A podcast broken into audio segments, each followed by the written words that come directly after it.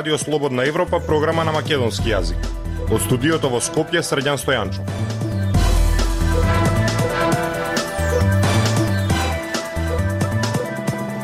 Ја слушате емисијата на Радио Слободна Европа, почитувани. Во неа објавуваме. Државните фирми должат една милиарда евра, а вдомуваат партиски кадри. Македонија ги избегнува меѓународните обврски за заштита на животната средина. Нема системска грижа. Болните од Алцхаймерова болест оставени на семејствата. Слушајте не. Независни вести и анализи за иднината на Македонија на Радио Слободна Европа и слободнаевропа.мк.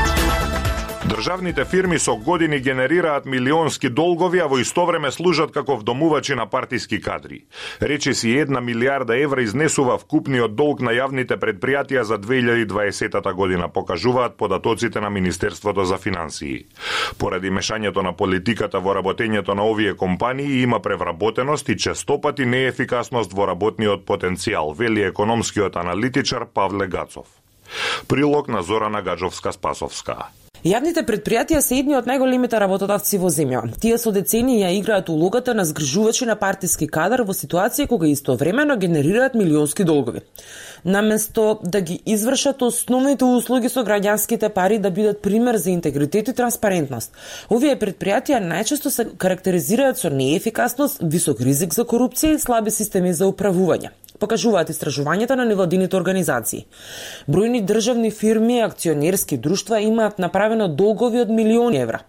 Официјалните податоци покажуваат дека меѓу оние кои се најзадолжени се јавното предпријатие за државни патишта, електрани на Северна Македонија, поранешно Елем, МЕПСО, Водовод и Македонски железници, но и неколку локални самоуправи како општината Тетово.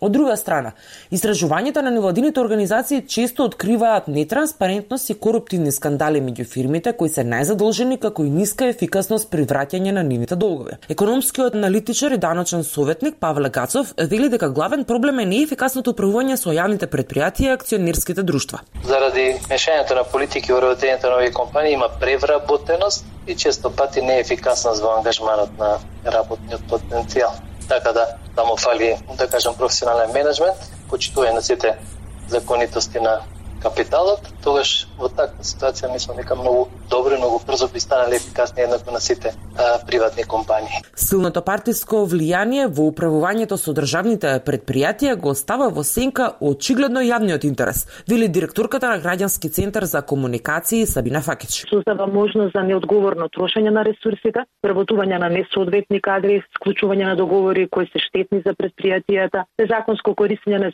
ресурсите за партиски лични цели нетранспарентност во работењето и секако отсутство на надзор врз нивното работење. Сето ова се одразува на растот на загубите и долговите на предпријатијата наспроти пораст на вработувањата и непродуктивните трошења. Речи си милиарда евра изнесува вкупниот долг на јавните предпријатија и акционерски друштва основани од државата и општините за 2020 година. Покажуваат податоците на Министерството за финансии. Овие предпријатија редовно, скоро секоја година бележат загуби во работењето, а истовремено ги зголемуваат платим нивните долгови.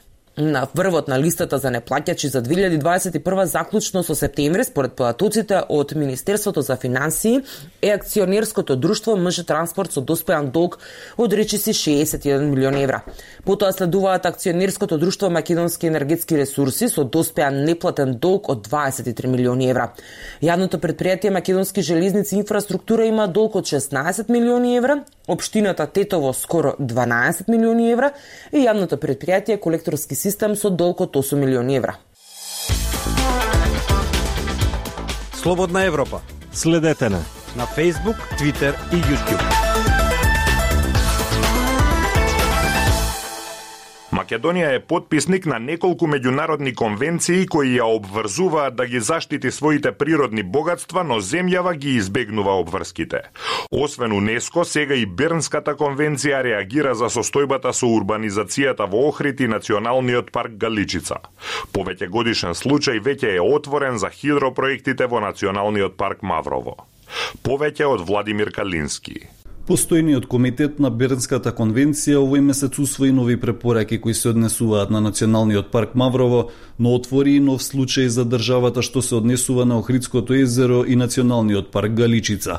Со тоа, покрај УНЕСКО, ова е уште една меѓународна конвенција која реагира за ризиците од несоодветната урбанизација во зоната на светското природно и културно наследство. Случајот за Маврово беше отворен уште во 2013 година, кога граѓанската организација Екосвест под поднесе жалба против изградбата на хидроцентрали во заштитеното подрачје, но сега Комитетот на Бенската конвенција отвора нов случај за Македонија што се однесува на заканите врз Охридското езеро и Националниот парк Галичица по прифатената жалба на граѓанската организација Фронт 2142 поднесена во 2016 година сврнавме на проблемите кои што од 2017 до денес се уште постојат и не е направено ништо на, на датима, како проблемот со цврст отпад, проблемот со загадување на езерото од отпадни води и од реките кои се влеваат.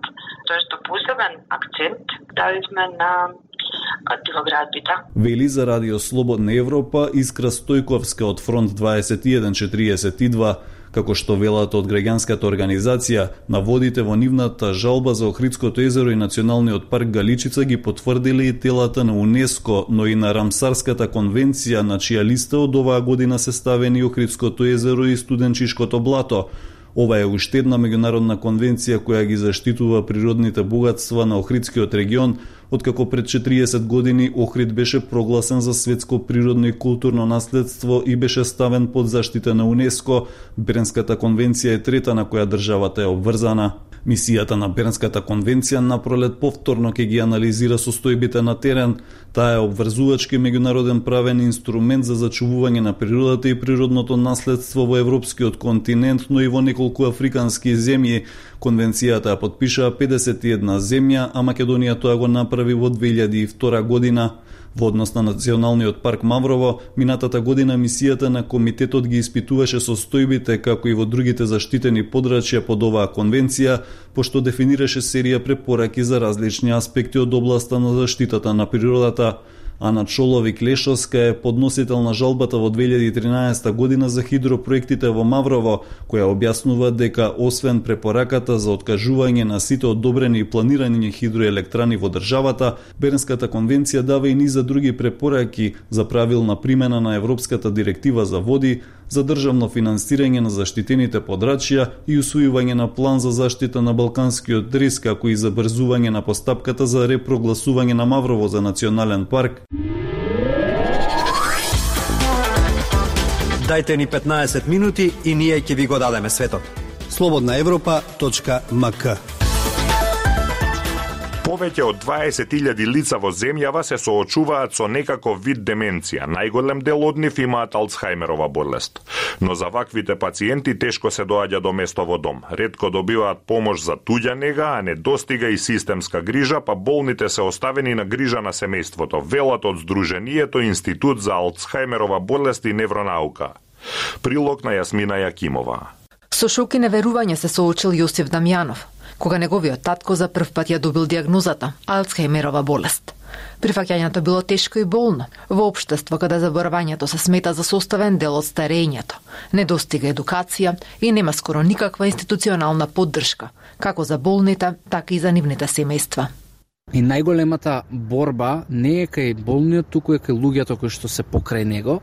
Ја татко ми го познавам како човек кој што бил интелектуалец, кој што бил предводник на огромна компанија, и наеднаш гледаш човек кој што апсолутно нема никаква допирна точка со тоа што ти си го знаел. Алцхеймеровата болест е прогресивна болест на мозокот која се карактеризира со губење на меморијата, говорот и способноста за размислување, проследено со промени во расположението и однесувањето. Како што болеста напредува, овие луѓе стануваат целосно зависни од туѓата помош.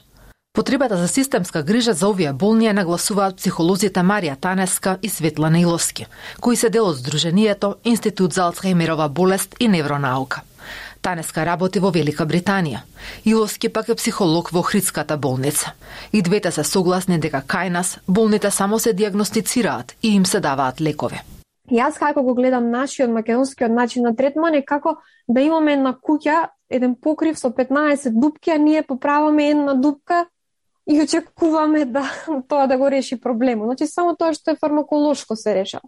Одитно треба да се направат дневни центри каде што ќе се врши социализацијата на лицата со деменција, каде што ќе има некаква стимулација на нивните функции и воедно ќе се намали теретот на семејствата. Од друга страна, ниту финансиската помош како месечниот надомест од околу 4 до 4.500 денари за помош и нега од друго лице секогаш не стигнува на адресата на овие болни. Проблем е и институционализацијата, посебно кога болеста ќе зебе замав. Една од редките вакви институции е Геронтолошкиот завод 13 ноември во Скопје, чија директорка е Салија Лјатив Петрушовска. Листата за чекање за жал е долга и ќе стане се подолга, доколку не се направи нешто во нашата земја, односно да се зголемат капацитетите и тоа на регионално ниво. Со ваквиот капацитет на околу 330 болнички легла за лекување секако дека не сме во можност да им одговориме на потребите, меѓутоа успеваме со убава и квалитетна тријажа. Преди ден месеци таткото на Јосиф бил ставен на листата на чекање во оваа институција. Сепак, не верува дека неговиот татко ќе дочека место во овој дом. Нашата веќе одлука и е приватен дом. И тоа ќе се случи следниве месец-два, кога мајка ми ќе одлучи. Според последните статистики, во светот околу 55 милиони лица боледуваат од деменција. Најголемиот дел од нив потпаѓа на Алцхемеровата болест. Актуелности свет на Радио Слободна Европа. Американскиот председател Џо Бајден го предупреди рускиот председател Владимир Путин дека Русија ќе биде погодена со силни економски и други мерки доколку Москва започне офанзива против Украина, соопшти Белата куќа. Кремљ соопшти дека Путин му рекол на Бајден дека НАТО ги зајакнува своите воени капацитети во близина на границата со Русија и прави опасни обиди да ја освои украинската територија. Гоце Атанасов. Видеоконференцијата беше третиот разговор со Путин откако Бајден ја презеде функцијата во јануари.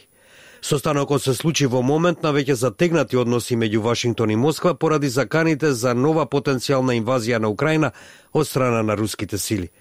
Во последниве месеци Путин и другите руски функционери изјавија со зголемена отвореност дека изгледите за членство на Украина во НАТО е црвената линија што ќе најде на одговор од Москва. Украинските власти соопштија дека околу 90.000 руски војници се распоредени во регионите во близина на украинската граница и на полуостровот Крим. Председателот Бајден ја изрази длабоката загриженост на Соединетите држави и нашите европски сојузници за ескалацијата на силите на Русија околу Украина и јасно стави до знање дека Соединетите држави и нашите сојузници ќе одговорат со силни економски и други мерки во случај на воена ескалација, соопшти Белата куќа. Бајден, како што се наведува, не направил обврзување или отстапки за барањата на Путин. Кремљ соопшти дека Путин му рекол на Бајденот и НАТО ги зајакнува своите воени капацитети во близина на границите на Русија и прави опасни обиди да ја освои украинската територија. Затоа Русија е сериозно заинтересирана да добие сигурни, законски, фиксни гаранции кои ја исклучуваат експанзијата на НАТО кон исток и распоредувањето на офанзивно ударно вооружување во државите блиски до Русија, наведува Кремљ. Иако Украина не е членка на НАТО, а веројатно нема да биде членка и во наредните неколку години, Русија ја гледа можноста Киев да се приклучи на алијансата како закана. Советниците за надворешна политика на двајцата председатели понудија дополнителни созданија за разговорите. Во Москва помошникот на Кремљ Јури Јушаков изјави Председателите ја покажаа својата подготвеност да продолжат да разговараат за чувствителните прашања кои сериозно ја засегаат Москва. Советникот за национална безбедност на Белата куќа Джек Саливан пак изјави дека Бајден му рекол на Путин оти она што не го направивме во 2014 година, подготвени сме да го направиме сега. Не е јасно за каква точно казна се заканува администрацијата на Бајден ако Русија изврши напад врз Украина. Некои аналитичари укажаа на можноста Русија да биде одсечена од меѓународниот систем на финансиски плаќања, познат како SWIFT, потек што ќе уништи руската економија. Ја слушавте емисијата на Радио Слободна Европа на македонски јазик. Со вас беа продуцентот Дејан Балаловски и Средјан Стојанчо. До слушање.